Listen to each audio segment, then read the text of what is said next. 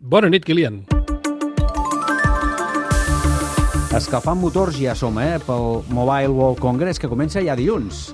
De fet, la fira obre portes el dilluns, però demà i diumenge els periodistes ja tenim actes fora del recinte. Ah. Uh, sí, com sigui, a partir de dilluns, i si et sembla bé, és clar, uh, dedicarem aquest espai al que haguem vist durant la jornada.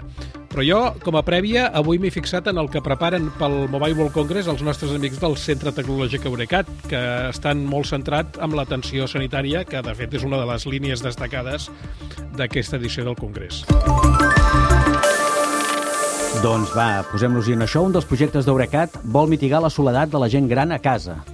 Es diu NHOA, que són les sigles en anglès de Never Home Alone, o sigui, mai a sol a casa, Sí. i el presenten com un robot d'assistència connectat i socialment intel·ligent. I per què ho diuen això? Doncs perquè fomenta la interacció del pacient amb la xarxa terapèutica, afavoreix la relació amb la família i les persones cuidadores, li fa companyia i detecta l'avorriment i el deteriorament físic o cognitiu i li proposa, en conseqüència, jocs de memòria i exercicis físics. També es presenta un model d'hospital intel·ligent que combina la robòtica i la integració de dades.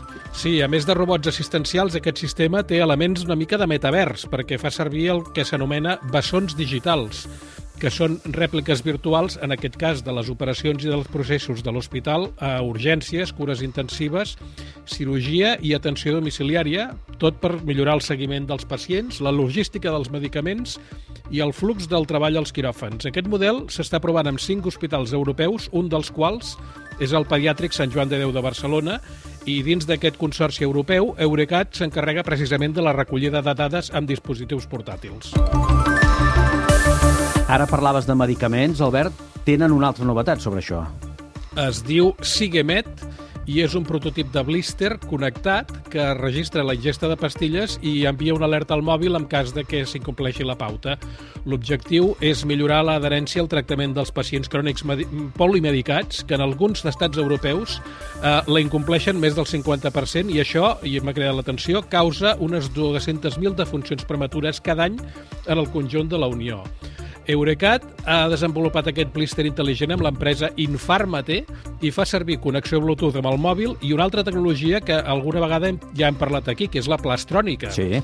que és aquella paraula que fa tanta gràcia, i en aquest cas és que la, la làmina de, de segellat de cada receptacle de pastilles porta circuits electrònics impresos amb tinta funcional, que és el que permet detectar si el pacient ha agafat la pastilla que li toca. I acabem amb un altre dispositiu. Aquest detecta les apnees del son. Eurecat l'ha desenvolupat per l'empresa gironina Giromet Institut i porta un conjunt de biosensors que monitoritzen en temps real la freqüència cardíaca, el nivell de saturació d'oxigen i la posició i els moviments dels pacients mentre dormen. Es calcula que les apnees eh, obstructives del son afecten un 8% de la població general de més de 40 anys i aquest percentatge s'enfila fins al 26% dels homes i el 21% de les dones més grans de 65. Els creadors eh, tenen previst acabar fent servir aquesta mateixa eina també per diagnosticar i per prevenir patologies cardiovasculars o ictus, entre d'altres. Tecnologia per dormir millor, en tot cas, d'aquí una estona, eh? No ara, quedeu-vos encara una estona més amb nosaltres. D'aquí una estona, però a les nits eh, bona falta ens fa, sobretot durant Cert. el Congrés. Cert, cert, també, també és cert. Va, bon cap de setmana, que vagi bé. Fins dilluns, Kilian.